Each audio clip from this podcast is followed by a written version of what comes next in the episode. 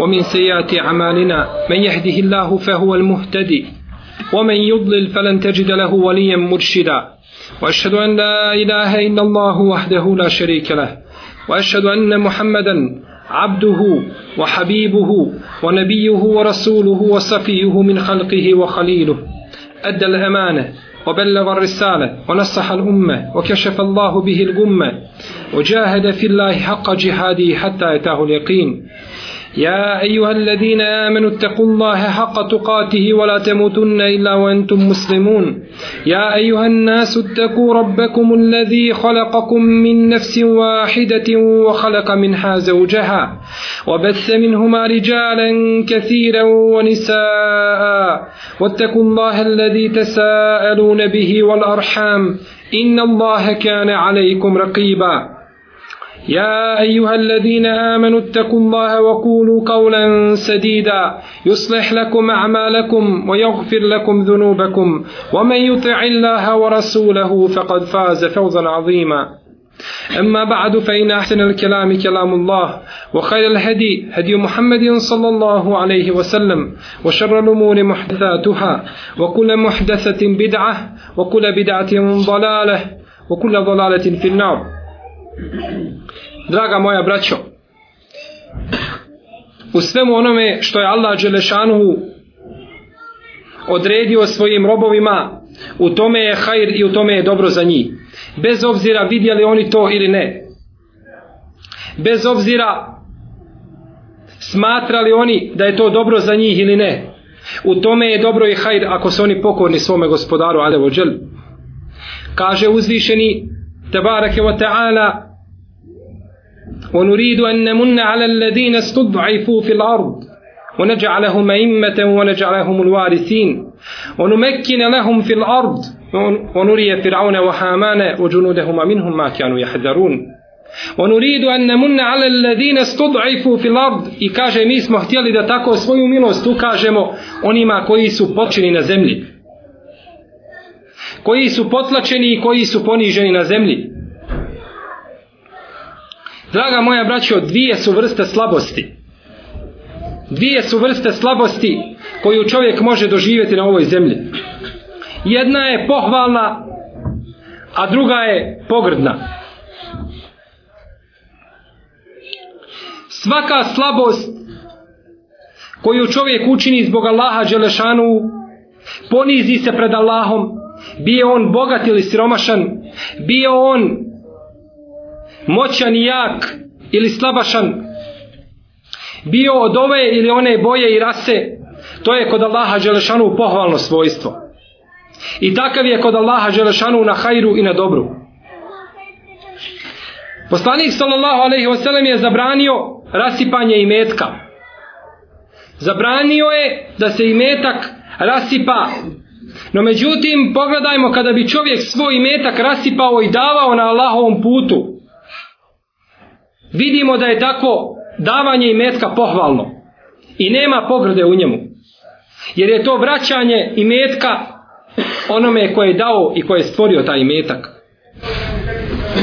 Imam Ebu Davud u svome dijelu Ez Zuhd od Ibnu Omara radijallahu anhu sa ispravnim lancem prenosilaca da je jednoga dana izišao u jednu poljanu i sreo jednog pastira pa mu je rekao prodaj mi jedno jagnje prodaj mi jednu ovcu iz svoga stada.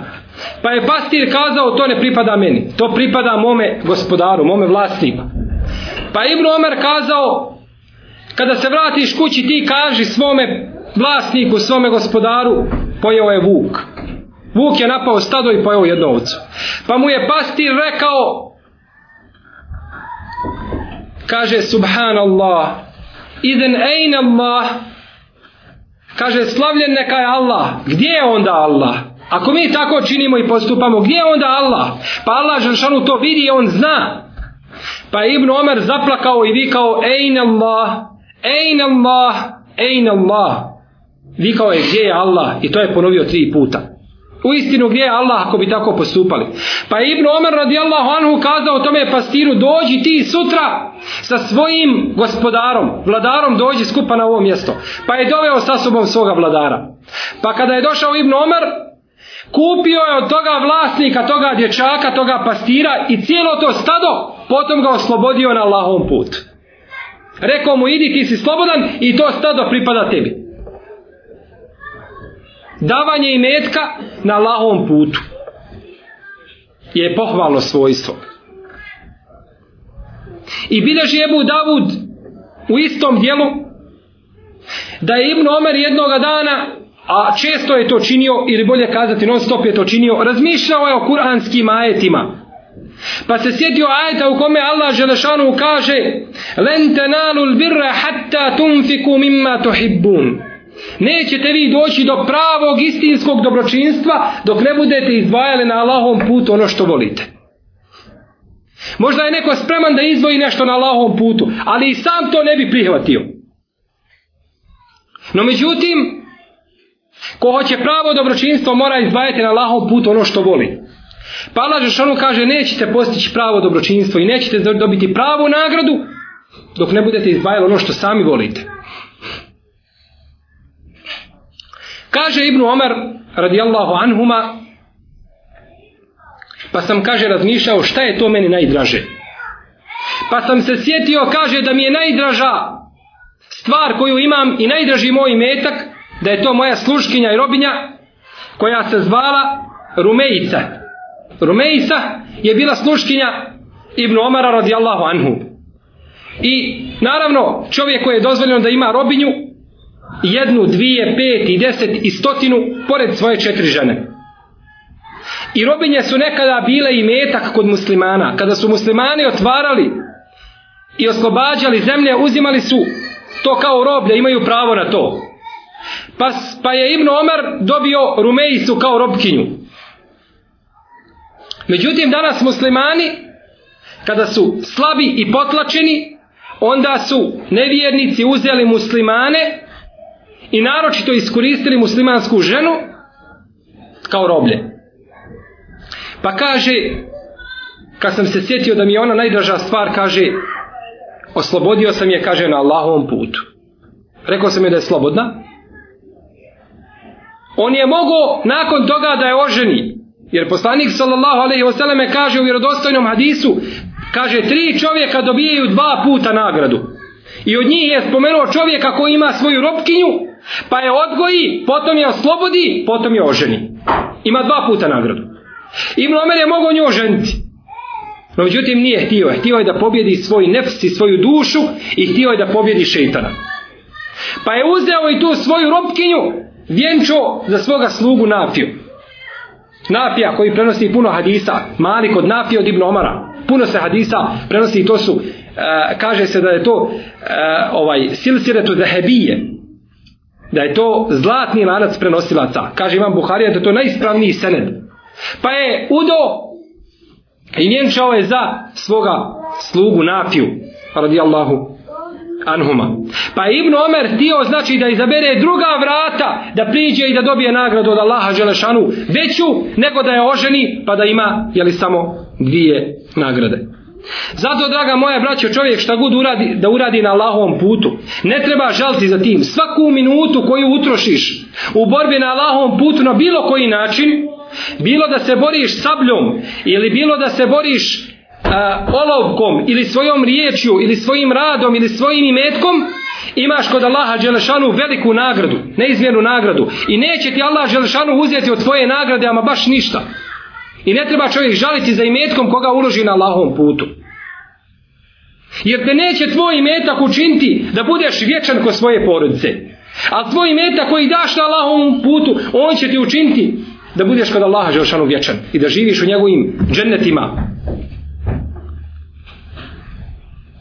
Uzvišeni Allah Želešanu govoreći nam o slabosti muslimana i o slabosti jednog naroda kaže inna alladhina tawaffahum almalaikatu zalimi anfusihim qalu fima kuntum kažu oni koji kada ih meleci budu usmrćivali duše im uzimali a oni su sami sebi nepravednici bili Kalu fime kuntum, kažu gdje ste vi to bili, šta ste vi to činili? Kalu kunna mustada'fine fil ard. Kaže, bili smo mi poniženi na zemlji. Bili smo poniženi na zemlji. Kalu, elem tekun ardullahi wasi'atan fetuhađiru fiha? Zar to kaže Allahova zemlja nije bila široka pa da učinite hijđru, da iziđete na Allahovom putu? Fe ulaike me'wahum džehennem kaže takvima pripada džehennem takvi će biti stanovnici vatre usaet masira. A grozno je to boravište. Grozno je, grozno je džehennem boravište. Ovo je braćo pogrdna vrsta slabosti i pogrdna vrsta te poniznosti koja je dovela da ljudi budu potlačeni na zemlji. Dokaz tome je drugi ajet u kome Allah Želešanu kaže Illa al-mustada'afine min ar-rijali wal nisai wal wildan. La jestatijune hileten Osim kaže ljudi i žena i djece koji nemaju moći wala jehtedune sebila niti znaju put ne znaju kuda da iziđu i kuda da se isele na Allahovom putu. Fe ulajke asa Allahu en ja'fu anhum wa kane Allahu afuwan gafura takvima će Allah Želešanu inša Allahu Teala oprostiti Allah je taj koji mnogo prašta draga moja braćo kada čovjek bude ponižen na zemlji obavezan je da učini hijđru da učini hijđru na Allahovom putu. Mi govorimo o hijđri da iziđe čovjek na Allahovom putu da iziđe na Allahovom putu s sobom. To je u ome ajetu ciljano ovom hijđrom. Da čovjek iziđe s sobom i svojim mjetkom pa da živi u mjestu gdje može da obožava Allaha Đelešanu. No međutim ta hijđra danas je skoro pa nestala. Nema čovjek gdje da se iseli pa da živi kao musliman. Ali je ostala ona druga hijđa, a to je hijđa Allahu Đelešanu. Da se čovjek prestere Allahu, da pazi na Allahove Đelešanu u granice, da izvršava ono što mu je Allah naredio i da se kloni njegovih zabrana. Kaže poslanik sallallahu alaihi wasallame u hadisu Abdullaha ibn Amra koga bilježi imam Buharija u svome sahihu El muhađiru men heđere ma neha Allahu anhu Kaže muhađir je onaj koji ostavi ono što je Allah Đelešanu zabranio. To je muhađir na Allahovom Đelešanu putu. Što se hi, tiče hijdre, da čovjek iziđe sobom, takva hijdra ostaje do sudnjega dana. Jer je poslanik sallallahu alaihi wa sallam kazao Ma te zalul ma kutilel kuffar. Ma te zalul ma kutilel kuffar. Hijra će ostati sve dok se budu muslimani borili protiv nevjernika. Ostaje do sudnjega dana. Ostaje ako čovjek nađe sebi mjesta na zemlji da može živjeti, ostaje mu da se iseli na Allahovom putu. I to mu je obaveza. Bileže imam Nesai, Ebu Davud i drugi sa dobrim lancem prenosilaca od Abdullaha ibn Omara da je poslanik sallallahu alaihi wasallam prisutuo jednom ashabu u Medini, koji je umro u Medini, dženazi. Pa je rekao kamo sreće kamo sreće kaže da je umro na drugom mjestu mimo mjesta u kome je rođen. Kamo sreće da je ovaj ashab iselio on je rođen u Medini umire u Medini. Kaže kamo sreće da je on iselio pa umro znači van svoga mjesta mimo mjesta u kome je rođen. Da dobije tu nagradu gurbeta jer onaj ko umre u mjestu kao muhađir da izišao da može Allaha Đeršanu obožavati takav će imati veliku nagradu kod svoga gospodara Azeođel i kaže se da će se takvom da će se takvom mjeriti od mjesta odakle je iselio do mjesta gdje je umro pa da će mu toliko biti u džennetu. Kako i na, i na koji način Allah najbolje zna. Ali će imati nagradu veliko kod uzvišenog Allaha te barake o teala zato su draga moja braćo Ashabi se bojali kada odu u Meku, bilo da odu kao trgovci ili da odu hač dobo i tako dalje, bojali se da ne umru u Meki. Kako bileže Buharija i Muslim. Plašili se da ne umru u Meki jer bi tada izgubili nagradu muhađira. Jer je on došao i umre u stvari u mjestu u kome je rođen. Nema sumnje da bi imali oni nagradu i da to nije, on se nije vratio s ciljem i nije se vratio kućama koje, nisu se vratili kućama koje su ostali na Allahovom putu. No međutim, bi im bila umanjena nagrada. Jer umire u svome mjestu, u svome rodnom mjestu. Potlačenost na Allahovom putu može biti znači pogrdna i može biti pohvalna. Pohvalna je ona koju čovjek nije izazvao svojim rukama. Pogrdna je ova koju smo spomenuli u prethodnom ajetu. Da su oni koji se nisu htjeli seliti na Allahovom putu, da će i meleki, kada ih budu udarali i budu im duše uzimali, da će oni kazati da su bili potlačeni na zemlji. A reći će, za nije Allahova zemlja bila široka, zbog čega se niste iselili. Druga vrsta potlačenosti jeste potlačenost u kojoj Allah Želešanu hoće da da hajri dobro onima koji su potlačeni. Pa kaže Allah Želešanu, on uridu en nemunne ale ledine studaifu fil ard. I hoćemo da svoju milost ukažemo onima koji su poniženi na zemlji. I da ih učvrstimo na zemlji. I da uništimo faraona i one silnike. I da im pokažemo ono čime im se čime im se pretilo. Uzvišen je Allah, draga braćo, kad nešto obeća svojim robovima, onda o to učini. Uzvišen je Allah, kad nešto obeća, nemoguće je da to ne učini. A kad Allah Želšanu, znači obeća nagradu, a kad Allah Želšanu obeća robu kaznu da će ga kazniti za nešto, onda Allah Želšanu čini šta hoće. Može ga kazniti, a može mu prostiti. I to odgovara milosti i rahmetu uzvišenog Allaha Đelešanu. Zar nije Allah Đelešanu ukazao u hadisi kuci koju bileže Buharija i Muslim? Inne rahmeti sebekat gadabi. Kaže moja milost i moj rahmet je pretekla moju srđbu milost Allahova je veća od njegove srđbe azze uđel bileži imam tirmizi u el džamije da će doći čovjek na sudnjem danu a ispred njega 99 knjiga siđila otvorenih listova koji su dugi kao njegov pogled koliko je njegov pogled toliko su duge i te knjige sve ispisana loša djela u njima nema ni jednog dobrog djela Pa će mu reći Allah Đelšanu, robe moj, da li priznaješ ono što se nalazi u ovim knjigama? Da si to činio? Pa će reći, priznajem gospodar moj, sve sam to činio, ne poričujem ništa od toga.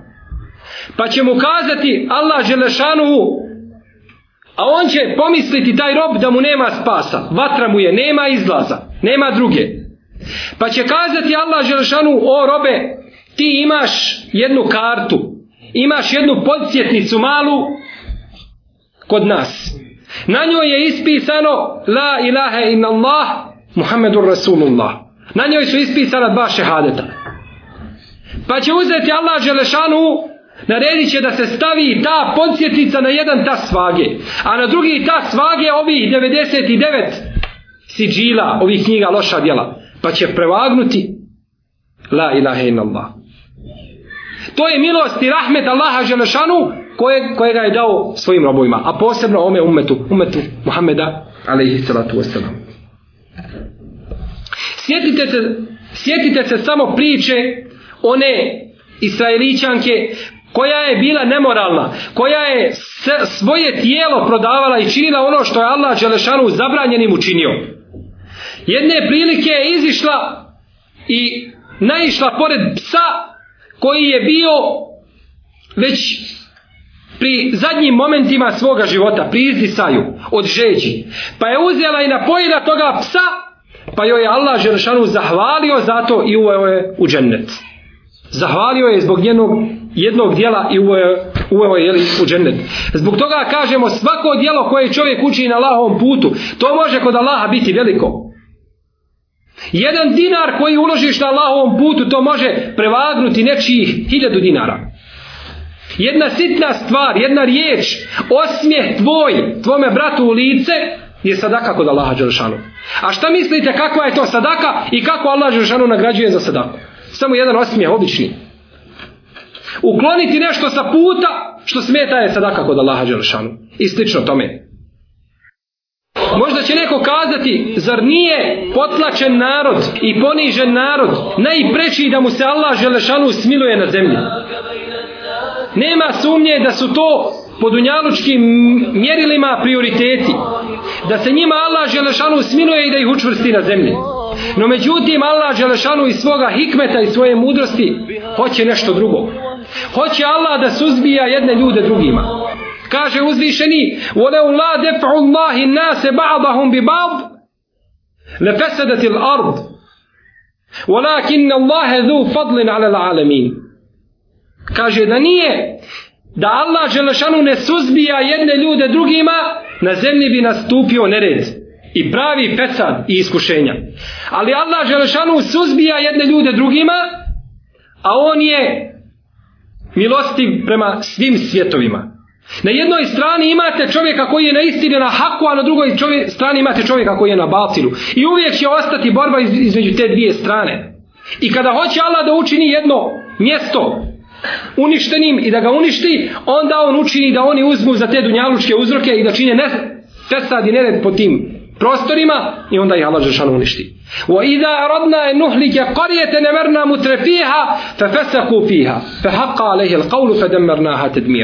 A kada mi hoćemo, kaže Allah Žešanu, da uništimo jedno mjesto i jedan narod, mi učinimo one pokvarenjake da fesad i nered siju po zemlji, potom ih sve iz temelja uništimo. Nijednog ne ostavimo. Najveći plod i najveća korist, braćo, od potlačenosti na zemlji i od slabosti na zemlji jeste da se u tim momentima srca vežu i zbližavaju sa svojim gospodarom Azavuđel. Kada je čovjek u, tje, u tjegobi i u teškoćama i u mukama, tad je njegova bliskost kudi kamo veća sa Allahom Đelešanom. Tad je iskren, ne samo musliman, nego čak i nevjernik. Kaže Allah Đelešanu, فإذا ركبوا في الملك في فإذا ركبوا في الفلك دعوا الله مخلصين له الدين فلما نجاهم إلى البر إذا هم يشركون kad قد الله جل قد oni ukrcaju se u lađe i kad morski valovi se počnu igrati sa njima, oni kaže Allaha Đelešanu dove i mole ga muhlisina lehu din, iskreno ga mole i dove. Fe idane džahu mil albar, a kad ih opet vrati na kopno, kaže i da hum jušrikun. A oni opet mušici, vrate se na ono na što su bili. Kada je čovjek u tjegobi, tada se veže sa Allahom Đelešanu. I zato potlačenost na zemlji i slabost imaju svoje rezultate. A to je da se čovjek zbližava sa svojim gospodarom. Jer braćo čovjek se kod Allaha Đelešanu mjeri po svome srcu. Kako je njegovo srce, takav je on kod Allaha Đelešanu. Kaže šehol Islam Ibnul Kajim doći će čovjek na sudnji dan, velik, glomazan čovjek. Možda ima stotine kila. A kaže neće kod Allaha Želšanu vjediti i neće biti težak nikoliko krilo jedne mušice. Ne mjeri se čovjek od Allaha Želšanu po svome fizičkom izgledu. Nego se mjeri po svome srcu. Srce se važe kod Allaha Želšanu. I bogobojaznost. Pogledajte Ibnu Mesauda radijallahu anhu. Jednoga dana se je popeo na palmu. Pa kada se je zadigla odjeća sa njegovog, njegove potkoljnice, ashabi su se počeli smijati. Kako je to bila tanka potkoljnica kao jedan prut. Pa kaže poslanik sallallahu alejhi ve sellem zar se smijete potkoljenici Abdullaha ibn Mesauda tako mi Allaha kaže ta potkoljenica je kaže kod Allaha dželešanu teža od brda Uhud a brdo Uhud to je serija brda To su milijarde tona. Ali je ta potkoljenica, taj prutić je teži kod Allaha Đelešanu od svega toga. Allah Đelešanu važe ljude po njihovim srcima, a ne važe i po njihovim izgledima. Jer je on taj prvi koji je učio Kur'an u Meki javno. Prvi je ošao pred Kjabu i proučio Kur'an. Pa ga je udario Ebu Džehl i odmah kaže se da mu je njegovo uho otkinuo od siline udarca on se važe kod Allaha Želešanu po svome srcu. Kaže Allah Želešanu Ja ejuhel ledine amenu stajibu lillahi walir rasul idha da'akum lima yuhyikum wa'lamu أن الله يحول بين المرء وقلبه وأنه إليه تحشرون O vjernici, odazovite se Allahu Đelešanu i njegovom poslaniku kada vas pozove u ono što će vas oživjeti. I znajte da se Allah Đelešanu upliče između čovjeka i njegovog srca. A svi ćete se vi vratiti svome gospodaru. Draga moja braćo, čovjek uzima snagu, njegovo tijelo uzima snagu iz njegovog srca. Iz srca se crpi ta snaga. Pogledajte priče poslanika i dobri i muđahida. Odakle su to oni uzimali snagu? Pogledajte primjer Abdullaha ibn Rawahe. U bitci na Mu'ti nosio je on zastavu muslimana. Zastava muslimana je bila simbol pobjede u to vrijeme. Bila je to osovina oko koje su se svi okupljali i koja je održavala jednu vojsku. Kad bi zastava pala, nestalo bi vojske. Jer znači da je tada već neprijatelj prodro u samu, u samu srž te vojske i sastava kada padne, gotovo je. Udara, zastavu je držao desnom rukom, pa su mu je odsjekli. Pa je preuzeo svoju zastavu lijevu ruku. Pa su mu odsjekli lijevu ruku, pa je potom preostalim dijelovima svojih nadlaktica držao zastavu, nije dozvolio da padne. Mi znamo čovjek prst kada bi mu se jedan osjekao da bi cijelo tijelo bilo nepokretno. Šta je to dalo Abdullah ibn Rawaha, Rawaha jeli, snagu da on izdrži? To je njegovo srce. Jer je on uzimao snagu iz svoga srca, a nije uzimao iz svoga tijela.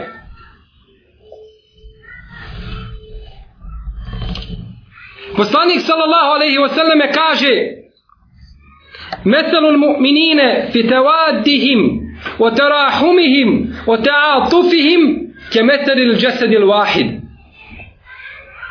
Ida šteka minhu udvun, tada sairul jasadi bil huma wa sahar.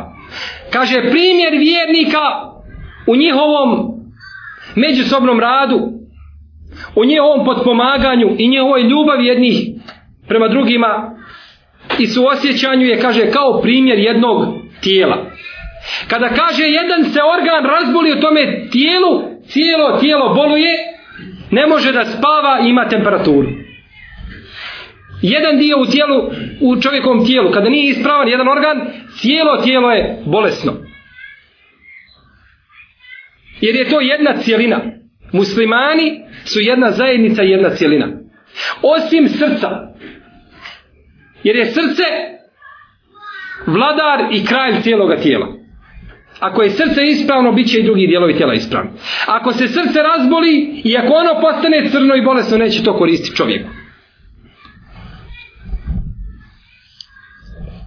Zato vidimo čovjeka koga kada Allah Žešanu iskuša, a ima zdravo srce, ima srce ono kalbun selim, za koga je Allah Želešanu rekao da neće uspjeti onaj ko, osim onaj koji ima zdravo srce. Vidimo čovjeka u iskušenjima, kao brdo. Ne vraća se sa svoje vjere zbog svake sitnice. I ne ostavlja rad za Allahu vjeru zbog svake sitnice. Možda danas vidimo muslimana, ako se raziđe sa svojim bratom muslimanom u džematu, više ne dolazi u taj džemat. Ako mu ne paše nešto u džematu, jedna sitnica, ako je predvodio džemat neko koga on smatra da nije zaslužan da predvodi džemat, iz ovog ili onog razloga više ne dolazi u taj džemat. Kakav je to nijet? I kakav je to rad? I kakav je to ihlas? I kakva je to vjera? Ako čovjek za svaku sitnicu je spreman da ostavi rad na Allahovom putu i za Allahovu vjeru, onda nikad neće raditi. Jer će problema biti non stop. Nek mi neko spomene kada se je to islam širio na jednostavan način. Da nije bilo truda, ulaganja, žrtvi od imetka, od ljudskih tijela i tako dalje. Nikada. U vrijeme poslanika to nije bilo. Pa kada su se to ljudi složili da svi jednostavno rade za islam i da ljudi u skupinama ulaze u Allahu vjeru? Nikada. Nego je uvijek put pozivanja na Allahu vjeru bio tvrd i trnovit. I to se je moralo prebroditi. Zbog toga čovjek koji iskreno dođe da uči nešto zbog Allaha Đelešanu, sa zdravim srcem takav će uspjeti i takav će istrajati. Oni koji kažu naš gospodar je Allah, innal ladina qalu rabbuna Allah, thumma istaqamu. Koji kažu naš gospodar je Allah, potom ustraju. Ustraju na Allahom dželšanu putu. Bileži Ibn Hibban u svome sahihu priču, kojo, koja da nema ispravan lanac prenosilaca, tako mi Allah ne bih je povjerovao, nikada. Ali budući da je njen sened ispravan, ne preostaje nam ništa nego da kažemo tako je i tako se desilo. Bileži u biografiji Ebu Kilabe Abdullaha ibn Zejda el Džermija koji poznati tabin koji prenosi od Enesa ibn Malika i drugih ashaba. Kaže, izišao sam jednoga dana između brda i hodao. Pa sam kaže čuo glas čovjeka da kaže Elhamdulillahi alladhi faddalani ala katirin min ibadihi tafdila. Kaže neka je zahvala Allahu koji me je kaže odlikovao nad mnogim svojim robovima. Pa je kaže rekao hoću da vidim toga čovjeka, ko je taj čovjek koji to govori. Kaže pa sam ušao u, u jednu kućicu, u jednu kolibu. Kaže pa sam našao čovjeka kaže od sječenih ruku i od sječenih nogu i slijepog i kaže jedva da čuje. Nema ruku, nema nogu, ne vidi i jedva čuje. Pa sam ga upitao, o Allahov robe, kakve su to blagodati? Kakvim je to tebe Allah Đelešanu blagodatima odlikovao kad ti tako govoriš? Kaže, tako mi je Allah da Allah Đelešanu pošalje sa nebesa vatru pa da me sprži i da Allah Đelešanu poslao morske valove pa da me potope, ne bih imao ovoga jezika da, da slavim i da hvalim Allaha Đelešanu. Smatrali su jezik nijemetom od Allaha Đelešanu što možeš da veličaš i da hvališ uzvišenog svoga gospodara. Taj čovjek, to je čovjek koji uzima kuvac iz svoga srca. Taj ne uzima kuvac iz svoga tijela jer on ga nema. On ima od tijela svoga samo ono što treba, što mu treba za život da diše. Kada bi bilo šta od drugog tijela uzeli od njega, on bi izdahnuo. Allahu kaže hvala na ome nijemet ovoga jezika. Pa mu je kazao, robe moj, ti koji slušao, kaže, ja ne tražim ništa od ljudi, ali kaže, imam jednu hađu, imam jednu potrebu kod tebe. Ja, kaže, imam sina svoga dječaka. Kaže, izgubim prije tri dana, je otišao, još mi se nije vratio, on mi donosi vodu i slične stvari. Kaže, molim te, kaže, potraži ga. Kaže, tako mi Allaha, kaže Ebu Kilabe, tako mi Allaha, izići ću i tražit ga, pa taman gdje da bio on. Za takvog jednog groba sve ću učiniti. Kaže, pa sam izišao i tražio njegovog sina. I kaže, nisam odmakao osim malo. I našao sam ga, kaže, među, og, među granjem, kaže, rastrgala, rastrgale su ga zvijeri. Kaže, subhanallah, kako sad da se vratim tome čovjeku i da mu kažem, pored svih tih muka, šta se desilo s njegovim djetetom. Kaže, pa sam se počeo prisjećati priča iskreni i poslanika i šehida, kako su oni trpili na Allahom put, pa sam mu došao, pa sam mu počeo govoriti. Allah Želešanu iskušava svoje robove. Zar je neko više iskušano da je Juba, ale islam? Zar je, zar je? Pa je kazao Allahov robe, kaži mi gdje mi je dijete. Pa kaže, strpi se i traži nagradu kod Allaha Želešanu, tvoje dijete su rastrgale divlje zvijeri. Pa je kazao, Hvala Allahu Đelešanu koji nije ostavio od ovoga ummeta, odnosno od moga poroda, kaže gorivo za džehennem. Hvala Allahu Đelešanu koji nije ostavio od moga poroda džehennemsko gorivo. Kaže pa je, kaže samo je, kaže dva puta uzdahnuo i dušu je svoju pustio. Nakon toga, kaže kada sam ga pripremio da ga zakopam ja sam, kaže Bukilabe, došli su, kaže, oni kopao Turuk, oni što ljude po putevima otimaju njihov imetak i tako dalje.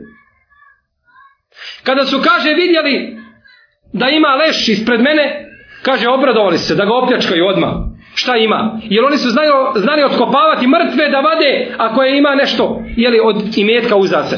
Jer to su u pagansko vrijeme radili. Zakopavali bi čovjeka sa njegovim imetkom. Kaže, kad su vidjeli, kaže, upitali ko je to? Kad im je otkrio njegovo, njegovo lice, a to je bio Ebu Kilabe, znači nije on prenosio od hadisa kao što smo spomenuli, kaže kada su to vidjeli lopovi, kaže počeli su plakati. Počeli su plakati i kaže klanjali su sa mnom skupa njemu dženazu. To je bilo tijelo koje je uzimalo snagu i kuvet iz svoga srca, a nije znači uzimalo snagu iz samog tijela.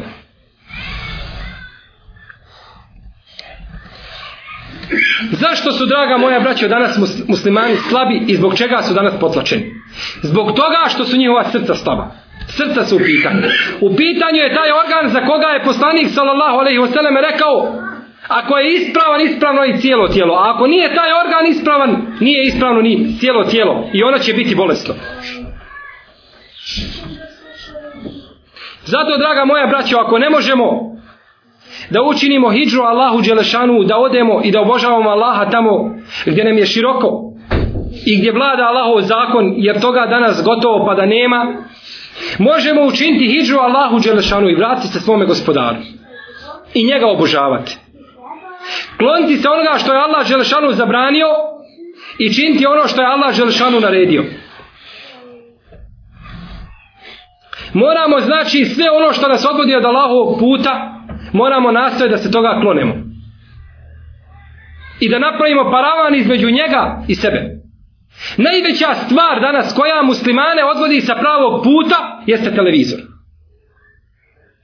Taj pokvareni aparat koji ruši ahlak ljudima i generacijama. Čovjek koji dozvoli svojoj porodici da samo gleda televizor nikada neće biti uzor svoje porodice. Jer djeca gledaju televizijske programe i njemu je uzor televizor. U Japanu su skoro napravili jedan ispit, jedan test, pa su ispitivali ljude.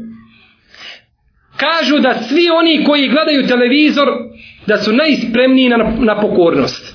Šta god vidi na televiziji to prihvata i ne ispituje je li to ispravno i je li to neispravno. Jednostavno, pokoran je onome što vidi i onome što čuje. Jer ti pokušavaš svoje dijete izvesti na pravi put.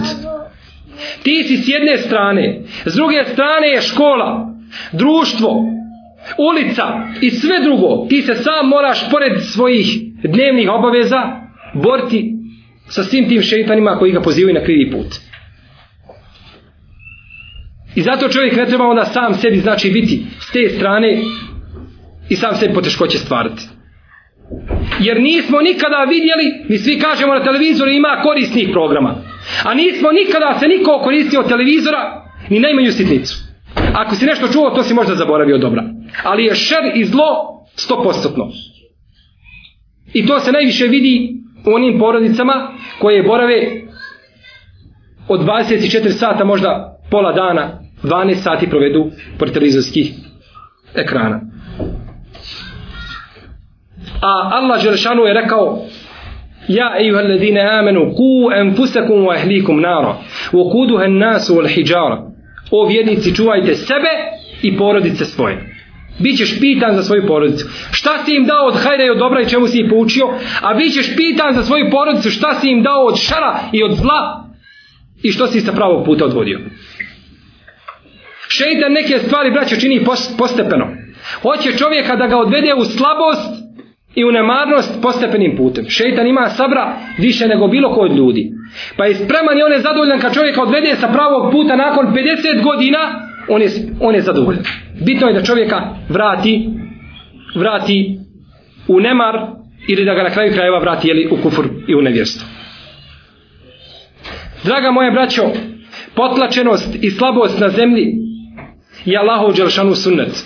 Ali isto tako obaveza čovjeku da se izvuče i da se spasi koliko može da učinje tome putu, da se sačuva te potlačenosti koja mu neće uroditi plodom osim ako je ona samo od Allaha Đelešanu.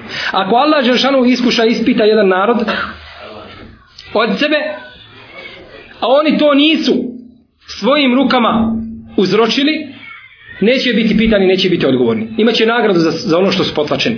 Ali ako čovjek svojim rukama izazove potlačenost i sam sebi nepravdu, onda će kod Allaha Đelešanu odgovarati za ono što je učinio. Molim uzvišenog Allaha Đelešanu da nas sačuva fitneta javnih i onih tajnih, da nam najbolji muči naša zadnja djela i da nas uvede u dženecka prostranstva sa našim vjerovjesnikom, alaihi salatu veselam, dobrim i a divni svoje društvo. Wa sallallahu ala nebijina Muhammedinu wa ala alihi وأصحابه أجمعين